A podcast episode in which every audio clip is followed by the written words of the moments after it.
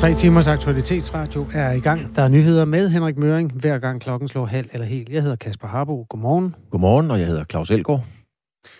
Taliban. Ja, det må man sige. Øh, Taliban er jo et ord, et begreb og en militant uh, gruppering, som meget flittigt bruges i medierne i denne her tid. Taliban har på ingen tid overtaget magten i Afghanistan. Men uh, hvad er Taliban? Hvor kommer de fra? Og hvordan opstod Taliban? Det taler vi med en ekspert om, og det er lige om lidt.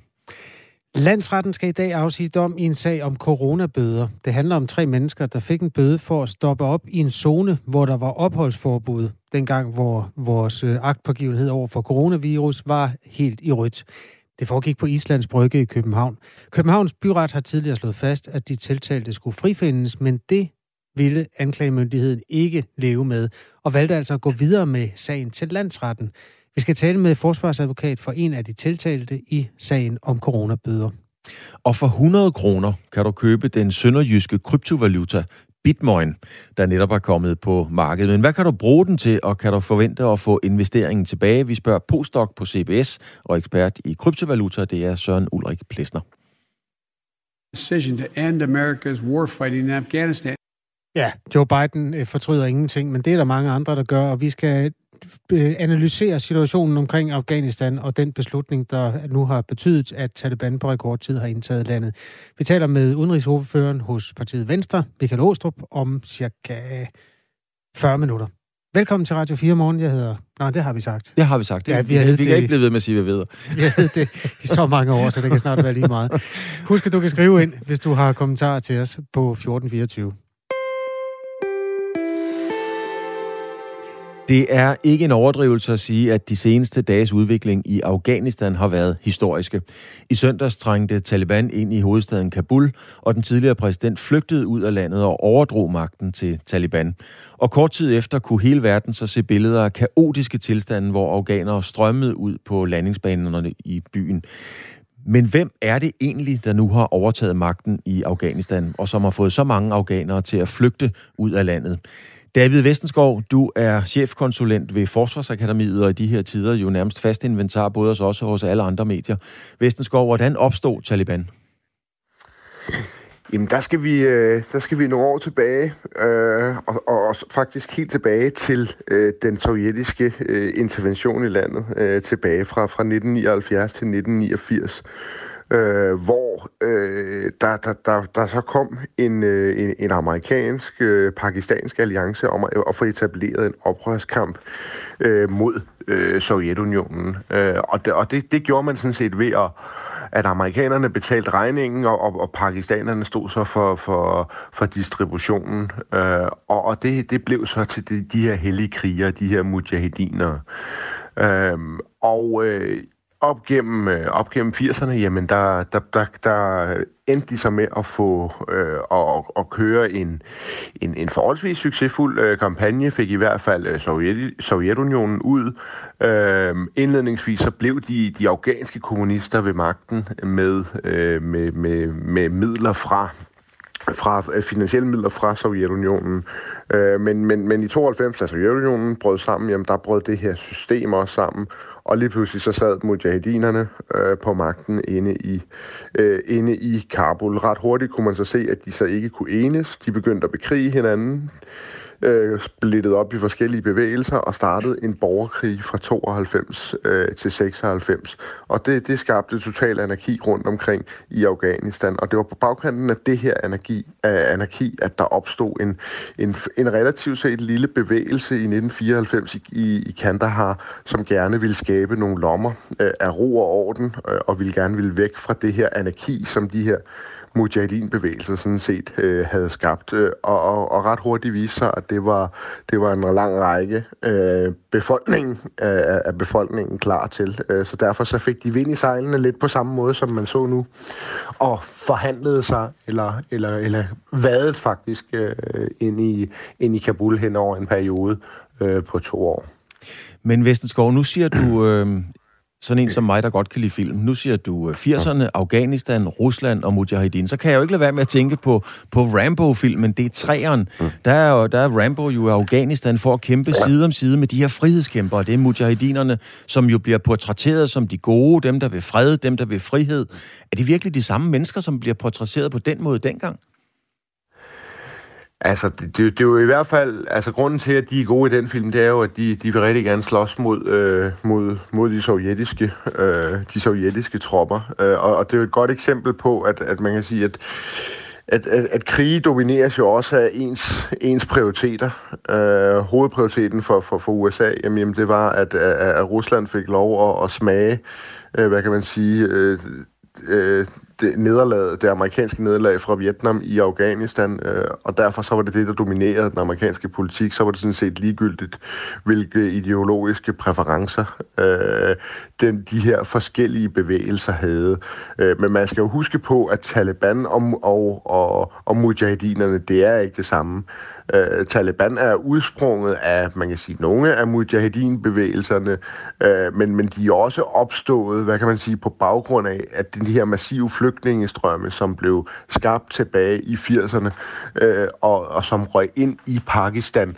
Øh, inden i Pakistan blev der etableret øh, en, en, en masse af de her madrasser af religiøse skoler, hvor de her flygtninge voksede op, og kunne jo se øh, deres land øh, være i krig mod, mod den her ateistiske stormagt, øh, og, og, og blev så sådan set opdraget til at være, øh, at være hellige kriger, indledningsvis rettet mod Sovjetunionen, øh, men, men det er hvad kan man sige, fundamentet i de her, de her øh, koranskoler, som, som, som ligesom dannede den her ja, altså, øh, studenterbevægelse, øh, som, som i hvert fald fik, øh, altså indledningsvis var, var, var det dem, der udgjorde, hvad kan man sige, kernen, øh, og også dem, som Taliban ligesom kunne trække ind fra Pakistan, øh, øh, altså fra 94 til 96, med henblik på, øh, på, på den her magtovertagelse.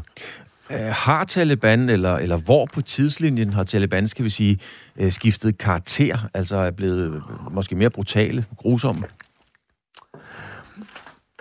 Jamen, det, altså, det er vigtigt at huske på, at, at Taliban kommer, altså de, som jeg sagde før, de kommer til, øh, de får magten, og de opstår som en, som en bevægelse i opposition til, til alle de her, de her forskellige mujahideen-bevægelser og krigsherrer, som, som har skabt et anarki inde, øh, inde i Afghanistan. Øh, det, der ligesom er deres, øh, hvad kan man sige, deres, øh, deres øh, principprogram, det er sådan set ret enkelt. Og, de, de, altså, og det er, jamen, vi skal tilbage til nogle helt enkle regler, hvor, at der, hvor, der, hvor der er sikkerhed, og hvor folk ved præcis, hvordan man, man, man, man skal opføre sig.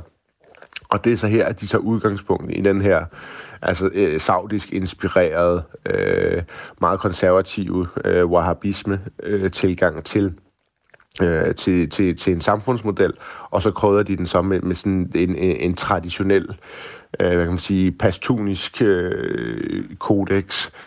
Øhm, og, og det bliver så deres, hvad kan man sige, version af, af en meget forenklet samfundsmodel, øh, hvor, at, øh, hvor at man ikke vil have korruption, og hvor, at, øh, og hvor der ikke kan, ligesom kan, kan, kan være tvivl om, øh, hvilke regler der er, og at man kan også ret hurtigt øh, afsige domme, øh, og, og, og på den måde, så, så bliver det sådan medicinen mod, mod den her hvad kan man sige, den her, den, den her øh, anarkiske øh, tilstand den her bevægelse, den er indledningsvis ikke gearet til, øh, til, til meget mere end, end nogle få lommer øh, nede, nede, nede, ved kanter Kandahar. Lige pludselig, efter to år, jamen, så står de med magten over hele, hele Afghanistan, og det er jo en militant bevægelse, som sådan set på den måde ikke har sådan en større politisk organisation bag sig.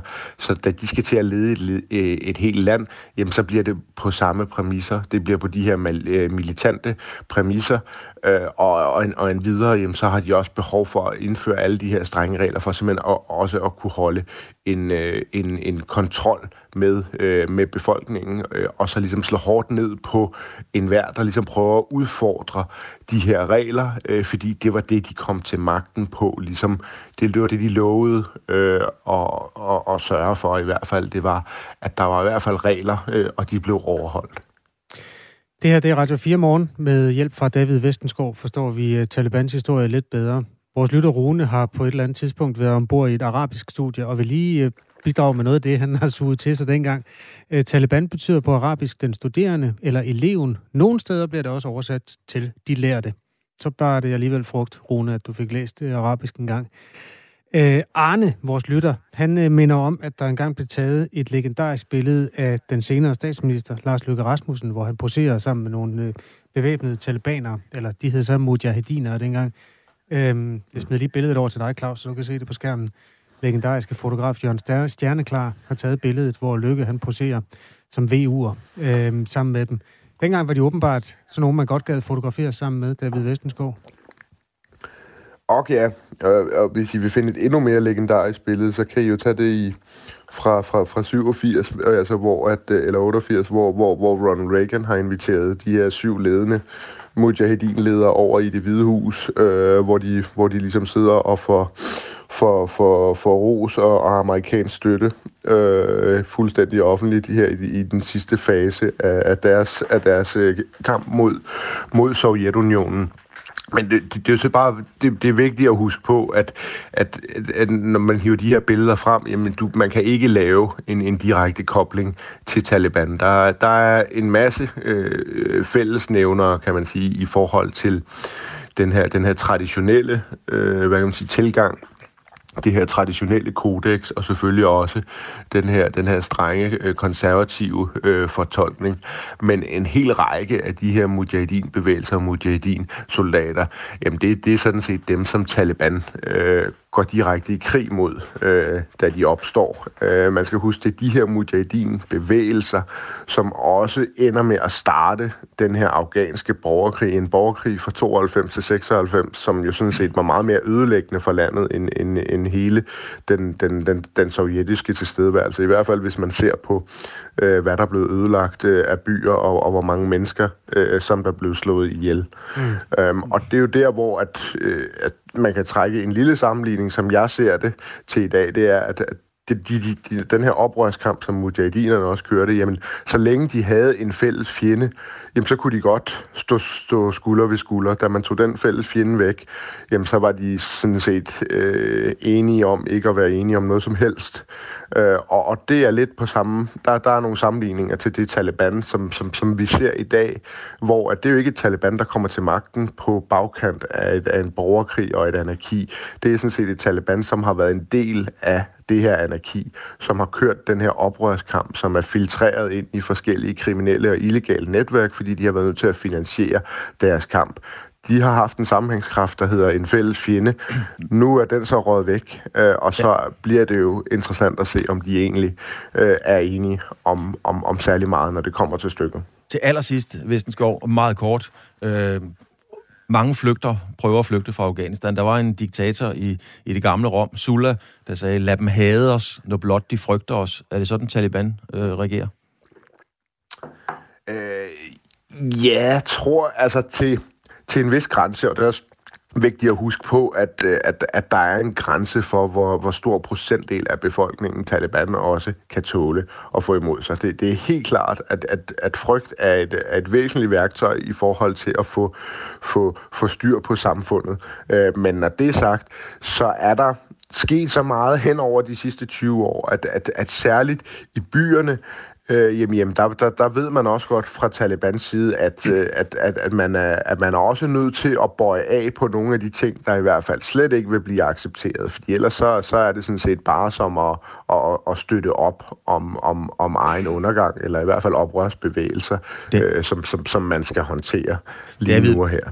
David Vestenskov, som øh, det er vanvittigt interessant. Vi kunne tale om det her i flere dage, øh, og du kan holde foredrag om det. Det gør du stensikkert også. I forløbet, tak til dig, David Vestenskov, chefkonsulent ved Forsvarsakademiet, for at give os et indblik i, hvad Taliban er for en størrelse på godt og ondt. Der er en lytter, der har stået tidligt op og har taget en stor kop øh, raserikaffe og skriver, billedet stammer fra krigen mod Rusland, så få styr på fakta. Det var øh. vist Sovjetunionen, men pyt med det. Det var i hvert fald øh, på et tidspunkt, hvor det der med at være vores fjenders fjende var vores ven. Og det var vel cirka den klangbund, man skulle se det på, da Lars Lykke poserede sammen med mujahedinerne. Bevæbnet med AK-47. Øhm, der er mange øh, aspekter i Talibans magtovertagelse, og vi kommer til at belyse nogle af dem. Selvfølgelig også øh, allervigtigst i første omgang det her med øh, bestræbelserne på at få danske diplomater ud af landet i sikkerhed. Klokken den er 20 minutter over 6. De sms'er, der er kommet ind, de er kommet på nummer 1424. Start beskeden med R4. Og et mellemrum. Så kommer den ind til os. I dag skal landsretten afsige dom i en sag om coronabøder. Tre mennesker fik en bøde for at stoppe op i en zone, hvor der var opholdsforbud på grund af coronavirus. Det var på Islands Brygge i København, dengang hvor vi som samfund var allermest frygtsomme over for virus. De her tre mennesker nægtede at betale de bøder på 2500 kroner per mand, fordi de syntes, at skiltningen havde været for dårlig. Sagen øh, endte jo i første omgang i Københavns Byret, der gav de her tre borgere ret i, at der skulle ikke uddeles bøder. Men så nemt slap de altså ikke, fordi anklagemyndigheden valgte at anke til landsretten, og det er det, der i dag øh, ender med en dom, der falder klokken 10. Sonja Toft er forsvarsadvokat for en af de tiltalte. Godmorgen. Godmorgen. Hvorfor mener du ikke, at din klient skal betale den bøde? Jeg mener ikke, at øh, der er tilstrækkeligt grundlag for, at øh, han skal betale den bøde. Han bør ligesom i byretten blive frifundet. Øh, der er øh, en, en meget, hvad skal vi sige, øh, velbegrundet øh, dom øh, fra byretten, hvor man øh, opregner, hvad der skal til, for at man øh, og efterlyser nogle objektive beviser herunder. Øh, nævner man specielt skiltningen. Man gør direkte opmærksom på, at øh, man vil gerne vide, hvor mange skilte, der er sat op, af hvilken størrelse skiltene havde, mm. og hvor de er sat op. Især det sidste. Ja, Sonja Toft, øh, jeg bliver simpelthen nødt til lige at bede dig om at glide den hen til det, hvad skal man sige, det bedste argument, det her. Fordi det er jo klart, at der er en lang procedure, der går forud i byretten. Men hvad er det bedste argument for, at de her tre mennesker, og i det her tilfælde din øh, klient, ikke skal have en bøde? Jamen, det bedste argument øh, efter min opfattelse er, at det, som de øh, har overtrådt, det er et opholdsforbud, bliver der sagt. Og øh, de har ikke overtrådt noget opholdsforbud, fordi de er jo der har ikke været nogen, nogen, nogen øh, vejledning fra politiets side. Øh, politiet skal jo ikke bare rykke ud med en bødeblok. Øh, de unge mennesker, og herunder min klient, skal selvfølgelig på forhånd vide, jamen, at, han, at der er noget, han overtræder. Han skal være Det vidste selv jeg, der bor 300 km fra Islands Brygge. Jeg vidste jo godt, at der var zoner med opholdsforbud. Det var den gang, hvor samfundet var meget påpasseligt. Øhm, øh, synes du ikke, at man har pligt til at holde sig, holde sig orienteret på et tidspunkt, hvor, hvor landet er i sådan en und, hvad skal man sige, undtagelsestilstand? Det er muligt, at, det er muligt, at du som journalist og radiomand er tidligere oppe en søndag morgen og inde på politi.dk Øh, det er den normale Ej, det var vist DR.dk, altså. tror jeg. Eller EB, eller sådan noget. Ja, men det var altså en lørdag aften, at forbuddet kom. Og søndag morgen, der var folk sover længe, så det er nok ikke det første, de gør. Det er at gå ind enten, og det er jo et øh, øh, rigtigt, at det var annonceret eller oplyst på politi.dk, men DR.dk er det jo heller ikke øh, det er jo ikke en selvfølge, at det er noget det, for, det første, folk ser en søndag morgen. Naturligvis ikke. Ja, måske skal vi lige oprise. Altså opholdsforbuddet, det trådte i kraft lørdag den 25. april 2020. Det var sidste år, og det, der skal man jo huske, det var mindre end to måneder efter den store nedlukning, så på det tidspunkt var alting meget nyt, både øh, restriktioner og corona i det hele taget. Dagen efter var det altså, at politiet udskrev flere bøder. Forbuddet det varede indtil 1. maj, så det stod altså kun på i uh, cirka en uge, og den periode måtte man gerne gå igennem det område ved Islands Brygge, men man måtte ikke tage ophold der. I Københavns byråd, øh, byret blev de tre mennesker frifundet. Det var øh, i første instans, at den her sag kørte i september sidste år, der blev det blandt andet konkluderet, at øh, der ikke var ført det fornødne bevis for, at de kunne eller burde se de opsatte skilte om opholdsforbuddet, eller på anden måde burde have været bekendt med opholdsforbuddet. Øhm, ja, øh, øh, øh, og lad os lige blive ved det der. Har man, har man ansvar for selv at undersøge, om der er et opholdsforbud? Nej, det har man ikke. Øh, man skal jo ikke i enhver situation som borger undersøge, at det her nu lovligt. Det bør være indlysende, at politiets virksomhed skal i første omgang, det står også i politiloven, første kapitel, paragraf 1, at deres virksomhed skal være forebyggende, hjælpende, og først i sidste omgang skal det være håndhævende. Og her var det ikke hverken forebyggende eller hjælpende. Det var kun håndhævende. De var kun ude på at skrive bøder. Der var ingen advarsler. Anklagemyndigheden vil den her sag for landsretten, fordi man fra deres, eller fra myndighedens side, mener, at det er en principiel sag. Chef anklager Ida Sørensen fra Københavns politi siger til øh, Ritzau, lovgivningen blev indført på et kritisk tidspunkt i foråret for at forhindre spredningen af covid-19. Derfor mener vi, at dommene er så principielle, at de bør prøves af landsretten, siger hun altså i den her meddelelse. Øhm, Sonja Toft, øh, du mener ikke, at det er en principiel dom. Hvorfor ikke?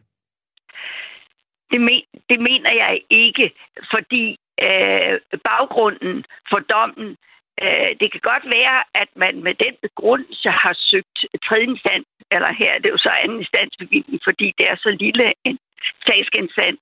Øh, men den er, ikke, den er ikke principiel, fordi hvis man var til stede også ved øh, sagsbehandling i Østre Landsret, så fandt man ret hurtigt ud af, at det fra politiets side udelukkende var øh, et spørgsmål om at få udstedt flest bøder. Hvad, hvad bygger du det på? Det skal du lige underbygge, den påstand. Øh, det vil jeg godt øh, underbygge med, øh, med den forklaring, som øh, flere af øh, de tilstedeværende betjente øh, oplyste, det var, de havde ikke fået nogen vejledning overhovedet. De var bare blevet sendt ud i marken for at opkræve bøder. De havde ikke fået at vide, hvor lang tid et ophold var. Mm, og men det er måske ikke helt det samme som at sige, at de var blevet sendt ud for at skrive så mange bøder som muligt. De var måske bare blevet sendt ud for at håndhæve noget, som fra politisk side var blevet vedtaget. Der var i hvert fald ingen, der oplevede at få advarsler. Okay. Øhm, hvis din klient ender med at blive frifundet, øhm, hvad er så, altså den er det så en form for præcedens om, at man bare kan sige, at man ikke lige øh, så skiltene, hvis der er et opholdsforbud? Nej, det vil jeg ikke sige, men jeg vil sige, at det er vigtigt, at man fra myndighedernes side sørger for i tilstrækkelig omfang at gå børnene, at øh, gøre borgerne opmærksom på, at øh, de skal sørge for i langt højere grad at orientere borgerne meget præcist om, hvad man må og hvad man ikke må. Det skal jo ikke være sådan, at borgerne skal famle sig frem og så blive overrasket en søndag morgen øh, over, at nu er der pludselig kommet opholdsforbud. Hvis man som den ene af, af de unge mennesker øh, der var blevet idømt en øh, bøde, øh, går tur med sine små børn og en hund. Øh, hun har måske ikke som det første øh, været inde på DR.dk og andre nyhedsmedier øh, for at undersøge, øh, hvad jeg må i dag, hvad jeg øh, ikke måtte mm. øh, i går og omvendt. Øh, det er ganske urimeligt. Så skal Ja, de var stærkt til stede, og de burde jo selvfølgelig ja. have, have gjort opmærksom på, nej, her må du ikke være. Og så rejser folk sig med det samme og går. Ja. Men det gjorde man ikke. Det øh, bliver afgjort klokken 10 i første omgang. Ja, var, det er meget øh, spændende. Ja, bestemt. Øh, god arbejdsdag, øh, Sonja Toft. Tak fordi du var tak med. Tak skal du have. Velkommen. Hej. Hej, hej. Forsvarsadvokat for en af de tiltalte. Dem er der altså tre af i den her sag, og øhm, der falder dom i det, som er en ankesag. I første omgang blev de tre frikendt og fik altså medhold i, at det ikke var rimeligt, at de fik bøder på 2500. Vi øh, følger selvfølgelig sagen her på Radio 4 og giver lyd, når øh, dommen den er faldet. Jeg lærte der noget, fordi jeg har altid troet og lært, at øh, man som borger altid og til enhver tid havde pligt til selv at sætte sig ind i et lands gældende lov. Ja, men øh, det er jo måske det med, hvor lang tid du har til at gøre det, øh, der er det afgørende i den her sag. Det var i hvert fald det stærkeste argument, som jeg tolkede det fra Sonja Toft. Klokken er passeret 7.30, øh, 6.30, øh, også kaldt halv syv. Nu er der nyheder med Henrik Møring her på Radio 4. USA's præsident Joe Biden har ikke fortrudt sin beslutning om at trække de amerikanske tropper ud af Afghanistan. I do not regret my decision to end America's warfighting in Afghanistan. Det sagde han i aftes om krisen i Afghanistan, hvor den islamistiske militante Taliban-bevægelse har overtaget magten. Samtidig erkendte han, at de seneste dages udvikling, hvor Taliban er gået fra sejr til sejr, er gået hurtigere end forventet. Amerikanske soldater skal ikke kæmpe og dø i en krig, som afghanerne ikke selv vil kæmpe, sagde Biden. American troops cannot and should not be fighting in a war and dying in a war that Afghan forces are not willing to fight for themselves. Det er første gang i seks dage, at den amerikanske præsident udtaler sig offentligt om Afghanistan, som ifølge amerikanske medier er blevet Bidens største udenrigspolitiske udfordring, siden han indtog embedet i januar. Lufthavnen i Afghanistans hovedstad Kabul er åbnet igen efter, at alle flyvninger i går blev indstillet midlertidigt af sikkerhedsmæssige årsager. Det oplyser det amerikanske forsvarsministerium. Lufthavnen blev lukket i går omkring kl. 20 lokal tid, da hundredvis af civile i løbet af dagen indtog landingsbanen i et desperat forsøg på at blive evakueret. Mindst syv personer mistede livet under uroen. USA kontrollerer stadig flytrafikken til og fra lufthavnen, skriver AP. Operationsafdelingerne bliver nu ramt af sygeplejerskernes strejke, som udvides i dag. 225 sygeplejersker slutter sig til strejken, så omkring 5.700 nu strejker. Det svarer til knap 11 procent af de medlemmer i Dansk Sygeplejeråd, der er ansat i landets regioner og kommuner. Blandt andre bliver hospitalerne i Herlev, Gentofte, Horsens og Nyborg nu ramt af strejken, siger sygeplejerskernes formand Grete Christensen. Så det er typisk øh, operationsafdelinger eller anestesiafdelinger, altså dem, der, dem, der ligesom øh, beskæftiger sig med de patienter, der bliver, øh, der bliver indkaldt til øh, planlagt operativ indgreb, øh, og det vil så ikke kunne foregå de steder. Hos regionerne, der har ansvaret for det offentlige sundhedsvæsen, ser man med stor alvor på strækken. Alle regioner melder om mærkbare konsekvenser for patienterne, og derfor ønsker vi også, at konflikten stopper hurtigst muligt, lyder det fra chefforhandler Anders Kynav fra Danske Regioner. Simon Emil Amitsbølle Bille forlader politik. Den tidligere økonomi- og indrigsminister stopper i Folketinget efter næste valg. Det siger den nuværende løsgænger og tidligere medlem af Liberal Alliance til Altinget. Allerede da vi nedlagde partiet fremad, tænkte jeg, at nu var det nok også ved at være tid, udtaler han. Amitsbøl Bille har været medlem af Folketinget siden 2005, hvor han blev valgt for Radikale. Sangeren Bob Dylan er blevet sagsøgt ved en domstol i New York af en kvinde, der hævder, at han misbrugte hende seksuelt for næsten 60 år siden, da hun var 12 år gammel. Kvinden påstår i søgsmålet, at Dylan greb sig på hende i en periode på 6 uger i 1965. På det tidspunkt var Dylan 24 år. I søgsmålet står der blandt andet, at Dylan udnyttede sin status som musiker til at give alkohol og stoffer til kvinden og til at misbruge hende seksuelt flere gange. Sangerens talsmand siger til USA Today, at de 56 år gamle påstande er usande, og at de vil blive mødt af et energisk forsvar. Mest skyde med regn eller byer, men også mulighed for lidt sol 15 til 19 grader og jævnt til hård vind omkring vest.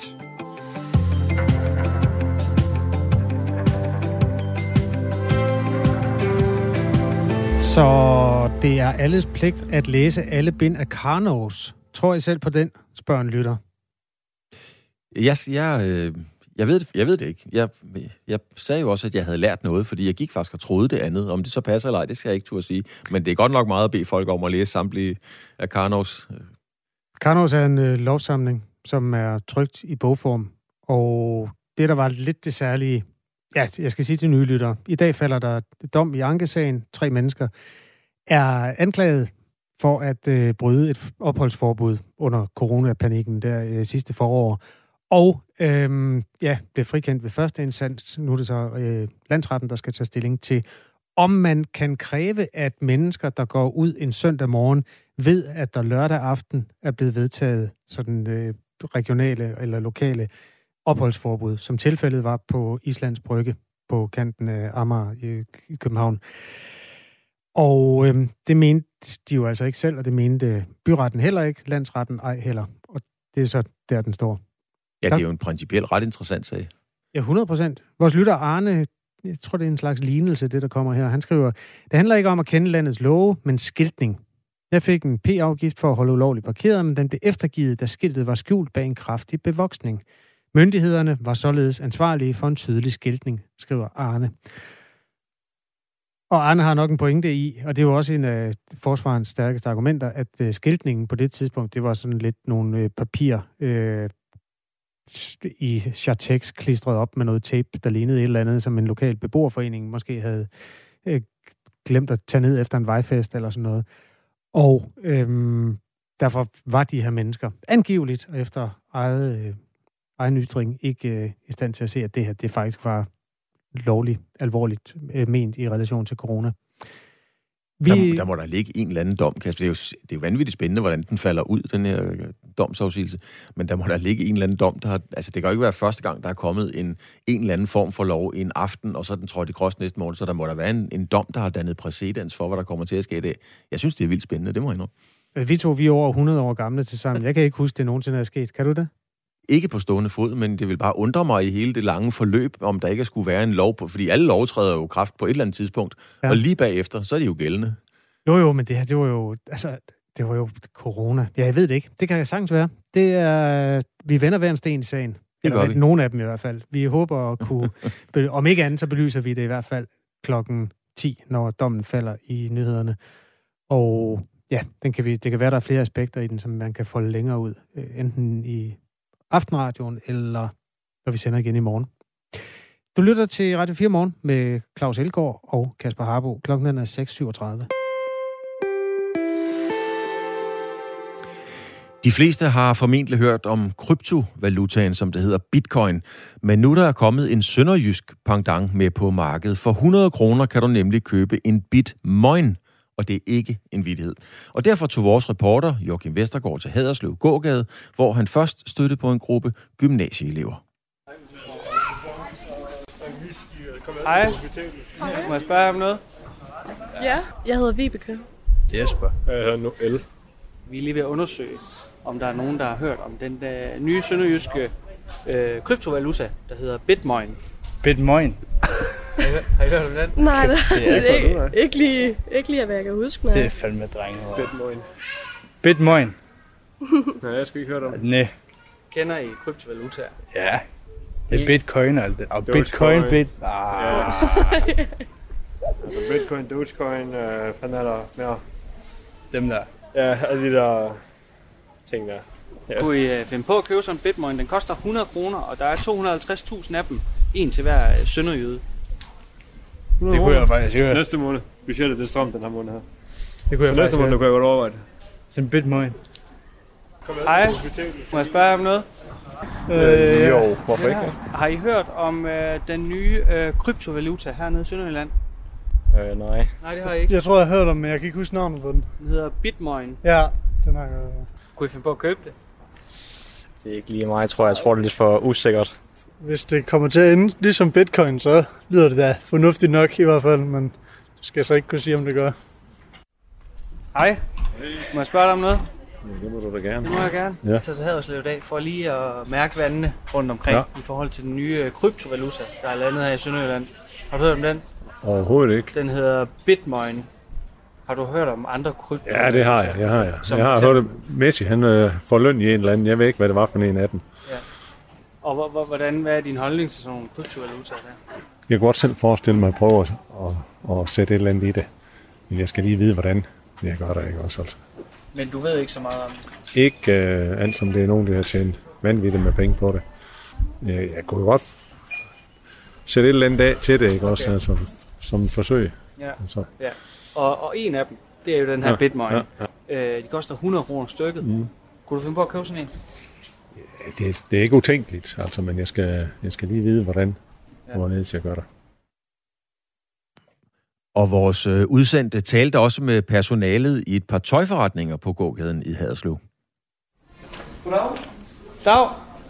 Som butik øh, vil I så nogensinde komme til at modtage øh, kryptovaluta som øh, betaling? Nej. Nej. Det vil vi ikke. Det er slet ikke sandsynligt. Nej. Hvorfor ikke? Jamen, det, det ved jeg ikke. Det, det, det kan du næsten svare på bedre end det, jeg kan. Der er lige blevet oprettet en, der hedder Bitmoin. Ja. Hvorfor vi ikke vil modtage kryptovaluta? Ja, i stedet for. Fordi det er i et eller andet sted omfang, så er det jo stadigvæk et, øh, et fiktivt betalingsmiddel. Det er jo ikke noget, du har noget på, ligesom øh, pengesedler eller dankort. Det er jo noget, der bare er ude af, ude at flyve. Det er jo ikke noget, man har et fast forhold til overhovedet. Tror du, det kan komme til at blive det i fremtiden? Nej. Hej. Må jeg spørge dig om noget? Ja. I forhold til den nye kryptovaluta, der er blevet lavet hernede i Sønderland. Har du hørt om den? Nej. Den hedder Bitmoin. Nej, den har jeg ikke. Den har jeg ikke hørt om. Nej, det har jeg ikke. Kender du kryptovaluta? Ja. Som for eksempel hvad? Bitcoin og... Hvad fanden er det, den anden hedder? Uh, det er Messi, han bliver betalt i en også. Ja, ja. Men jeg kan ikke lige huske, hvad den hedder. Nej. Øh, tror du så, at der en dag øh, kan blive betalt med sådan noget kryptovaluta? Det kunne jeg forestille mig. Inden for den nærmeste fremtid, eller? Nej, jeg tror, der kommer til at gå nogle år. Den, som Messi bliver betalt i, den hedder dollartegn PSG Fan Tokens, som er sådan en hjemmelavet en, som hans nye arbejdsgiver Paris Saint-Germain kører med. Man kan lave en kryptovaluta på 10 minutter, skriver en af vores lyttere øh, til os. Vi kan lave en Radio 4-coin på under 10 minutter. Ja. Ja, vi kan ikke, Claus. Det er helt tydeligt. Vi ser helt blanke ud begge to, men nogen kan. vi siger, ja. Nå, nu ved, skal vi tale med en, der ved noget om det. Jeg kan sige godmorgen til dig, Søren Plesner. Du er studielektor på CBS og finansiel ekspert. Godmorgen. Ja, godmorgen. Ville du anbefale, at man som, skal vi sige, stolt sønderjyde køber bitmoin for sparepengene? Øh, det kunne kun være for sjov. Øh, nu den her bitmoin, som navnet jo også antyder, den er jo lavet som en vidighed. Og det, øh, det ligger de, dem, der, der, har, der skabte den jo heller ikke spor skjul på. Det var en, nu, nu synes man, at man skulle have en, en, en sønderjysk øh, mønt, så jeg ser det ikke som andet end en vidighed, og hvis man synes, at det er sjovt øh, at være med i det, så kan man da godt putte 100 kroner i det, men øh, du skal ikke regne med, øh, at øh, den er noget værd om et halvt år. Øh, det kan være, at den er meget mere værd, det kan være, at den er ingenting værd. Men øh, hvis man synes, det er sjovt, så kan man godt bruge 100 kroner i det. Men jeg vil ikke sætte min, min, øh, alle mine sparepenge eller min pensionsopsparing på det. Og vi har faktisk øh, spurgt folkene bag Bitmoin, om de vil stille op til et interview om det, men det vil de ikke. De ønsker at være anonyme, men de har dog sendt os en, øh, en mail, og de skriver, det er jo oplagt at have en kryptovaluta, der hedder Bitmoin, som hører hjemme i Sønderjylland. Lige nu er det primært en gimmick, og det kan sammenlignes lidt med det at være lord i Skotland. Det er en sjov ting at give i gave eller snakke om til selskaber. På samme måde vil vi skabe en mønt, som afspejler vores tilhørsforhold til Sønderjylland. I den forbindelse arbejder vi også på at lave fysiske mønter, ligesom man ser med bitcoin. Dog er det ikke lutterfis ballade, som alle andre kryptovalutaer, så har bitcoin eller Bitmoin, eller, eller så, som alle andre kryptovalutaer, har bitcoin eller kan bitcoin få en reel værdi, hvis folk tror på den. Vi spurgte også om, at man kan bruge en bitcoin til, og her svarede de helt enkelt. Øh, på nuværende tidspunkt, en uge efter lancering, så kan bitcoin kun bruges som et sjovt samtaleemne, eller en anderledes spøjsgave og, og lignende. Øh, for lige at få alle med, hvad er en kryptovaluta? Jamen, kryptovaluta, det er, som navnet antyder, det er jo en, øh, en ikke-fysisk valuta, en digital valuta, øh, som øh, er baseret på en krypteringsmekanisme. Der er jo flere forskellige slags, der hvor bitcoin er selvfølgelig den mest kendte, og den første, der kom på banen øh, tilbage i øh, 2009, øh, kom den på banen, øh, og selvfølgelig blev den mest kendte. Og det er jo baseret på sådan en decentral øh, bogføringsprincip, en, en decentralized ledger kalder man det for, ikke? Og, og det er jo så helt ideen bag sådan en, det er, at den er decentraliseret, og der ikke står nogen øh, offentlige myndigheder bagved. Øh, der er jo ikke en centralbank bagved, der er ikke en stat bagved, øh, som garanterer øh, værdien af, af den her øh, mønt. Så krypto ligger, altså krypto kommer af krypteringen, at, at øh, mønterne er øh, elektroniske og baseret på en krypteringsmekanisme, såkaldte hashes, Øh, og dem, som laver bitcoins, jamen, de skal løse nogle øh, vanvittigt komplicerede øh, øh, gåder eller øh, algoritmer øh, for at, øh, kan man sige, øh, udmynde sådan en her. Det er det, der ligger øh, i systemet, det såkaldte proof of work. Øh, og så kræver, som man har sikkert har hørt, en fantastisk masse strøm. Det er bitcoin. Øh, den sønderjyske version, jamen det er jo øh, en vidighed i lighed med den mønt, der hedder Dogecoin, eller DOGE, altså er opkaldt efter en hund, DOG godt nok. Øh, og den var også lavet som en, en som sarkastisk, som en protest eller som en vidighed. Øh, Øh, sarkastisk kommentar til, kan man sige, den bit, bitcoin-feber eller, eller kryptovaluta-feber, som, øh, som var i gang. Men øh, den sønderjyske version, det synes jeg er sjov, men de erkender, det synes jeg er fuldstændig ærlig snak. Øh, det skal noget tydeligt igennem, det er, det laver de som for sjov projekt, præcis som Dogecoin blev. Men Dogecoin blev senere, jamen, øh, så dels værdifuld. Men hvorfor har det her en værdi? Jamen det har en værdi, fordi folk synes, det skal have en værdi men der er jo ikke nogen som helst central opbakning på det. Øh, det opfylder højst en af betingelserne for at være penge, nemlig det, at det kan være et transaktionsmedie, hvis folk accepterer betalinger øh, i øh, bitcoin, eller hvad det nu må være, så kan man da godt betragte som en slags penge, som man havde i gamle dage, hvor man sagde, men den her sten definerer vi som nogle penge. Men øh, de andre øh, de, de andre kriterier for at blive kaldt penge, nemlig et store value, altså en, øh, øh, noget, som du kan gemme værdi i. Det vil jeg stille stort spørgsmålstegn ved, fordi priserne er jo så ekstremt volatile, og det er nærmest umuligt at fastsætte en, øh, en såkaldt fundamental værdi øh, på den, som man kan med for eksempel aktier. Og øh, ja. der er jo som sagt ikke nogen, nogen centralbank, der bakker det op. Du har ikke noget krav Øh, på centralbanken.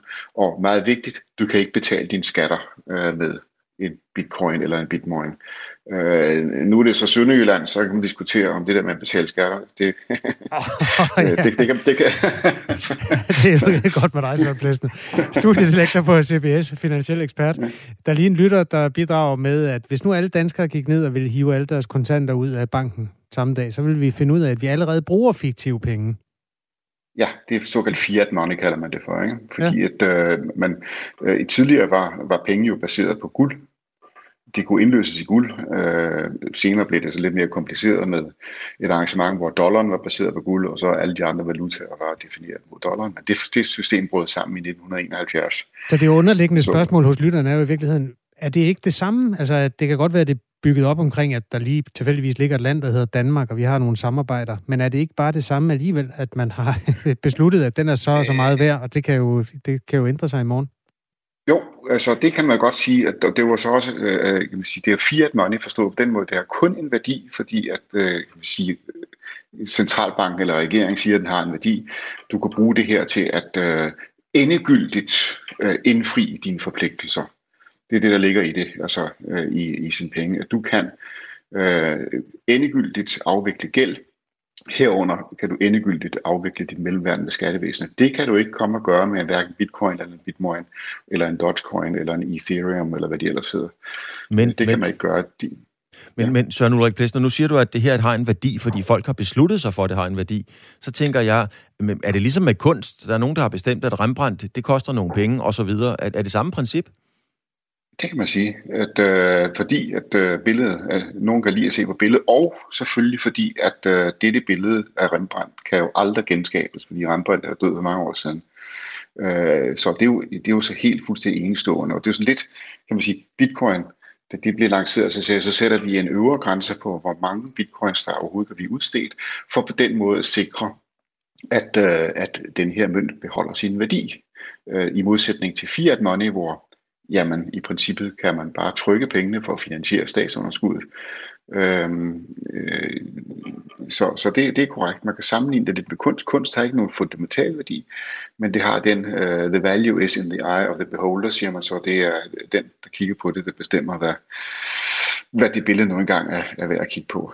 Så. Og, og selvfølgelig så, så køber man måske et maleri for, man betaler 100 millioner dollars for uh, et Rembrandt, Øh, men øh, man betragter som en investering, fordi man regner med, at der er en anden en, der vil betale 120 millioner dollars for det på et senere tidspunkt. Tak skal du have, der er, ingen garanti, der, er ingen, der er ingen garanti for det. Der er ingen garanti for ret meget her i livet efterhånden. Søren Blæsner, studielektor på CBS og ikke mindst finansiel ekspert. Tak fordi du gav os et indblik i, hvad kryptovaluta i virkeligheden er. Ja, velkommen. Tak for at være med.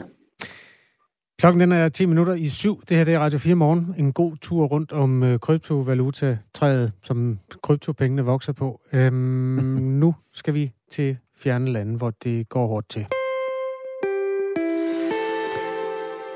Joe Biden, præsident for USA, har været hårdt kritiseret efter beslutningen om og gennemførelsen af tilbagetrækningen af de amerikanske tropper i Afghanistan. I aftes kom han med sin første udtalelse, og han fortryder ikke. I stand squarely behind my decision.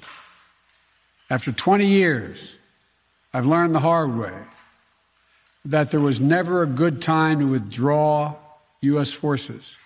I stedet skubbede Joe Biden i sin tale ansvaret over på afghanerne, som han ikke mener har taget ansvaret på sig. So what's happened? Afghanistan political leaders gave up and fled the country. The Afghan military collapsed, sometime without trying to fight.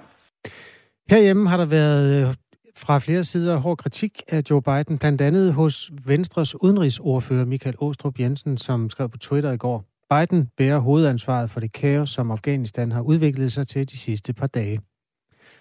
Godmorgen, Michael Åstrup Jensen. Godmorgen. Hvad synes du om talen? Jamen altså, retorisk var det en rigtig flot tale, øh, så der har sikkert været en del øh, gode, øh, højt betalte amerikanske folk, der har siddet og arbejdet på den. Men hvis man går ind og kigger på den, hvad der så reelt blev sagt, så synes jeg, at det var en øh, sørgelig tale, forstået på den måde, han jo reelt ikke tog ansvar for øh, det kaos, som vi har set her de sidste øh, par dage. 20 år, øh, siger han, og afghanerne skulle måske have gjort noget mere selv. Altså det, hvis jeg lige skal kode det ned på dansk. Hvad siger du til det, det argument, at, øh, argument, altså at øh, afghanerne burde øh, have stå stærkere selv? Jamen selvfølgelig øh, er vi alle sammen rigtig, rigtig kede af, at øh, den afghanske her er brudt sammen på den måde, som den er. Men det er der jo altså også nogle forskellige grunde til. En af grundene er for eksempel, at forsyningslinjerne forsvandt. Øh, at det var rigtig, rigtig svært øh, at få materiel, ammunition, øh, mad og alt muligt andet op til forskellige steder.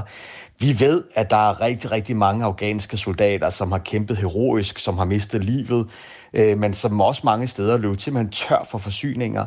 Altså Afghanistan, selvom vi har været der i 20 år, øh, så er det jo stadig ikke et land, som på nogen måde kan måle sig med noget vestligt land. Altså der er rigtig, rigtig svære veje, der er rigtig, rigtig svære forbindelser generelt.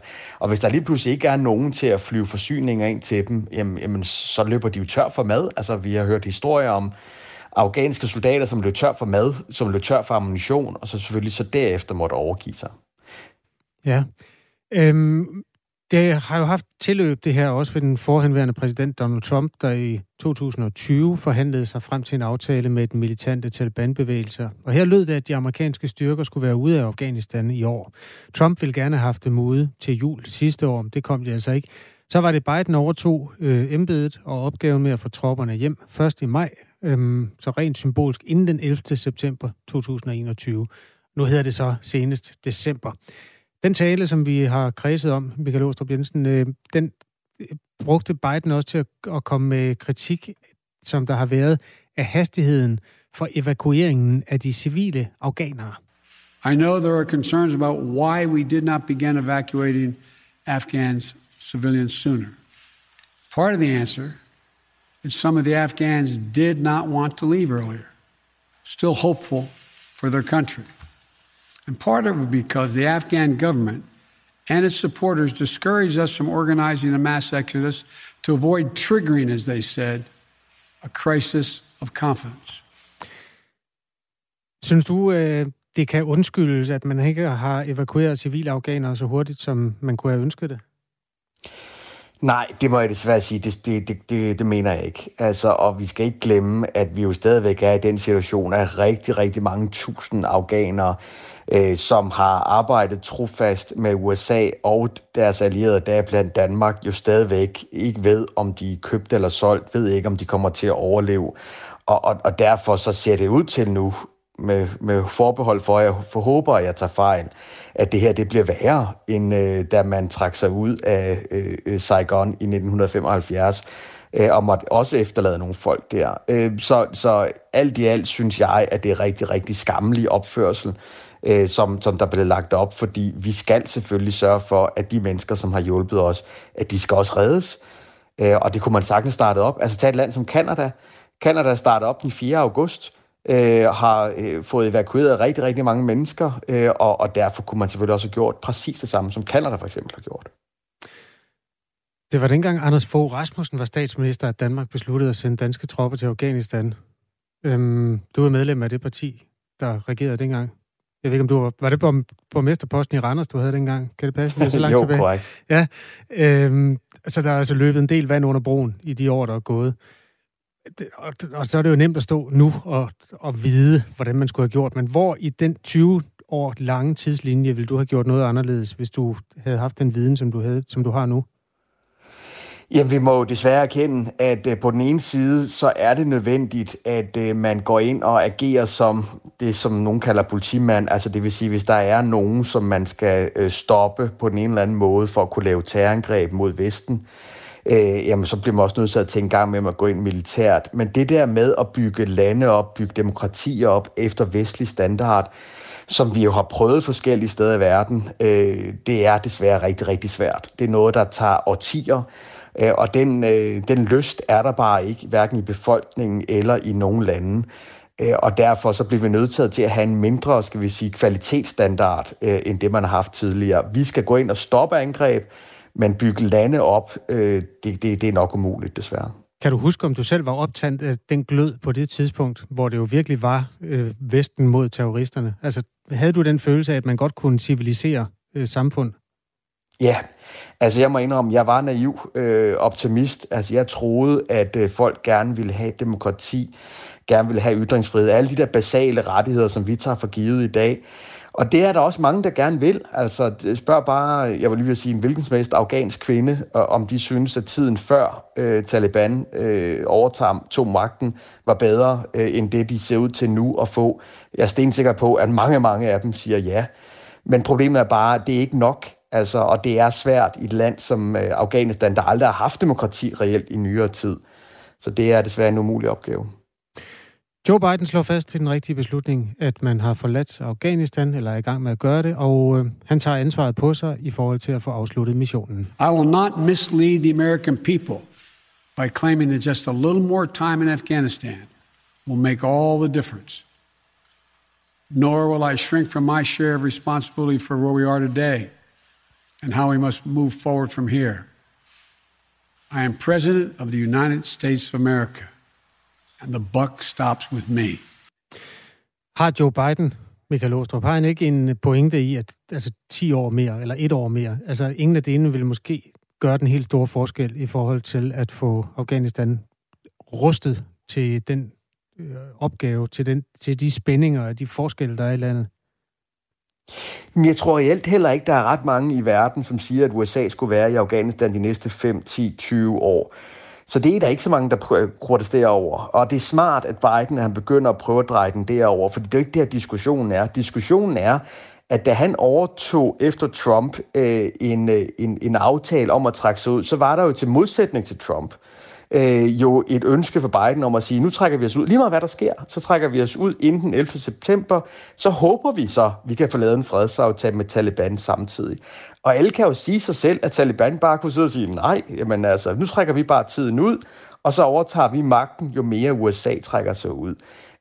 Så hele, hele ideen, hele udførelsen fra starten af, var katastrofal. Også at man gør det uden at koordinere med nogen NATO-allierede, der blandt Danmark, Danmark fik et varsel på, som jeg forstod det, en time før, at man melder det ud. Det er jo også, synes jeg, totalt dårlig opførsel af en, en såkaldt allieret. Og derudover, så er der så de her seneste tre dage, hvor USA hele tiden har ændret på, hvornår det er, de trækker sig ud. Nu går de endda væk fra deres løfte om overhovedet at være der indtil udgangen af august. Nu ser det ud til, at USA trækker sig ud inden, øh, og, og dermed efterlader endnu mere kaos, som vi har set. Tak fordi du var med i Radio 4 Morgen, Michael Åstrup Jensen. Ja, selv tak. Udenrigsordfører fra Venstre, som også er på Twitter. Der kan man øh, læse mere om hans holdninger til den sag. Hvis du øh, kan lide den her øh, type journalistik, så skal du sandelig høre Frontlinjen, som vi sender mellem 11 og 12 her på Radio 4, hvor Peter Ernst Rasmussen belyser øh, den her sag. Også med hjælp fra en øh, tidligere tolk, en tidligere dansk tolk, som øh, vi har talt med, mens han var i Kabul Lufthavn. Også en tidligere forsvarschef medvirker i programmet Frontlinjen mellem 11 og 12 her på Radio 4. Nu er der nyheder med Henrik Møring klokken er 7.